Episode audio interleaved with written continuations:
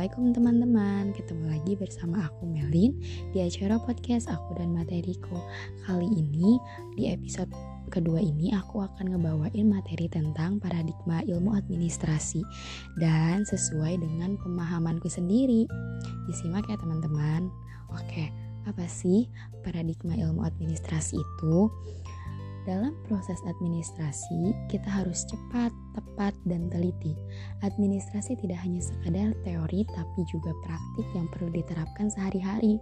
Pemikiran ilmu administrasi dapat kita artikan sebagai kegiatan yang terdiri dari dua orang atau lebih yang bekerja sama untuk mencapai tujuan administrasi. Itu pendapat tersebut dikemukakan oleh Simons. Bapak administrasi sejak abad ke-19 adalah Frederick W. Tyler atau AS dan Henry Fowler dari Prancis. Pada abad ke-19, ilmu administrasi masih dianggap sebagai sebuah seni atau suatu kegiatan seperti menulis, menyusun, dan mengetik. Kemudian pada abad ke-20, administrasi mulai dianggap sebagai ilmu pengetahuan atau G manajemen ilmiah. Hal tersebut dikemukakan oleh F. W. Tyler Tahap ini disebut juga sebagai tahap ilmiah karena ilmu administrasi baru mulai dianalisis sebagai suatu ilmu pengetahuan.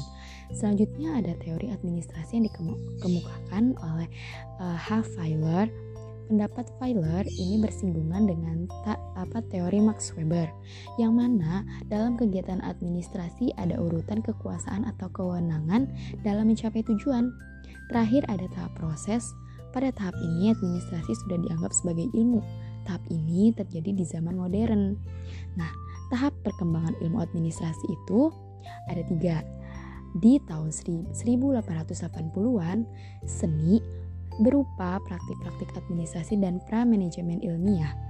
Yang kedua, di tahun 19 10 eh, sampai 1920-an itu klasik berupa manajemen ilmiah, teori administrasi umum, birokrasi dan hubungan manusia.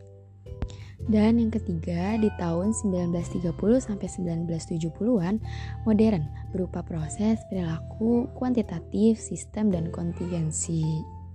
Selanjutnya, ada perbedaan nih teori yang dikemukakan oleh Henry Fayol di tahun 1941 sampai 1925 dengan Frederick Winslow Tyler di 1856 sampai 1919. Nah, menurut Fayol, manajemen administratif melihat manajemen administrasi dari pimpinan atas sampai ke tingkat terbawah termasuk para pekerjanya. Sedangkan menurut Tyler, manajemen administratif melihat manajemen administrasi dari produktivitas para pelaksana yang ada di tingkat bawah ke, pemimpin di tingkat atas. Nah, selanjutnya ada beberapa hubungan administrasi nih dengan ilmu-ilmu lain ada banyak banget hubungannya administrasi dengan ilmu-ilmu lain. Ada administrasi dengan ilmu politik, ilmu ekonomi, psikologi, ilmu etnologi, ilmu sosiologi, ilmu sejarah, ilmu hukum, dan administrasi dengan ilmu eks, eksaks atau statistik. Hubungan administrasi dan ilmu lainnya memiliki tujuan agar dipandang dalam sebuah kegiatan yang keberadaannya disesuaikan oleh bidang masing-masing. Pelajaran yang kita dapat, yang kita ambil hari ini dari materi ini, uh, ini adalah kita mengetahui bahwa dulu administrasi adalah seni dan ketika era 1910 sampai 1920 administrasi adalah klasik manajemen ilmiah. Lalu pada era 1930 sampai 1970 administrasi adalah modern dan administrasi berhubungan dengan ilmu lainnya seperti ilmu politik, ekonomi, psikologi, ilmu etnologi, ilmu sosial dan ilmu sejarah, ilmu hukum dan ilmu eksak. Nah, sampai di situ penjelasan paradigma ilmu administrasi menurut uh, dan sepengetahuan Melin. Semoga teman-teman yang mendengarkan uh, bisa bermanfaat juga, uh, pengetahuan yang makin bertambah.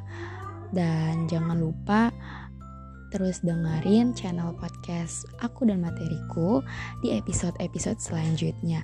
Terima kasih teman-teman. Wassalamualaikum warahmatullahi wabarakatuh.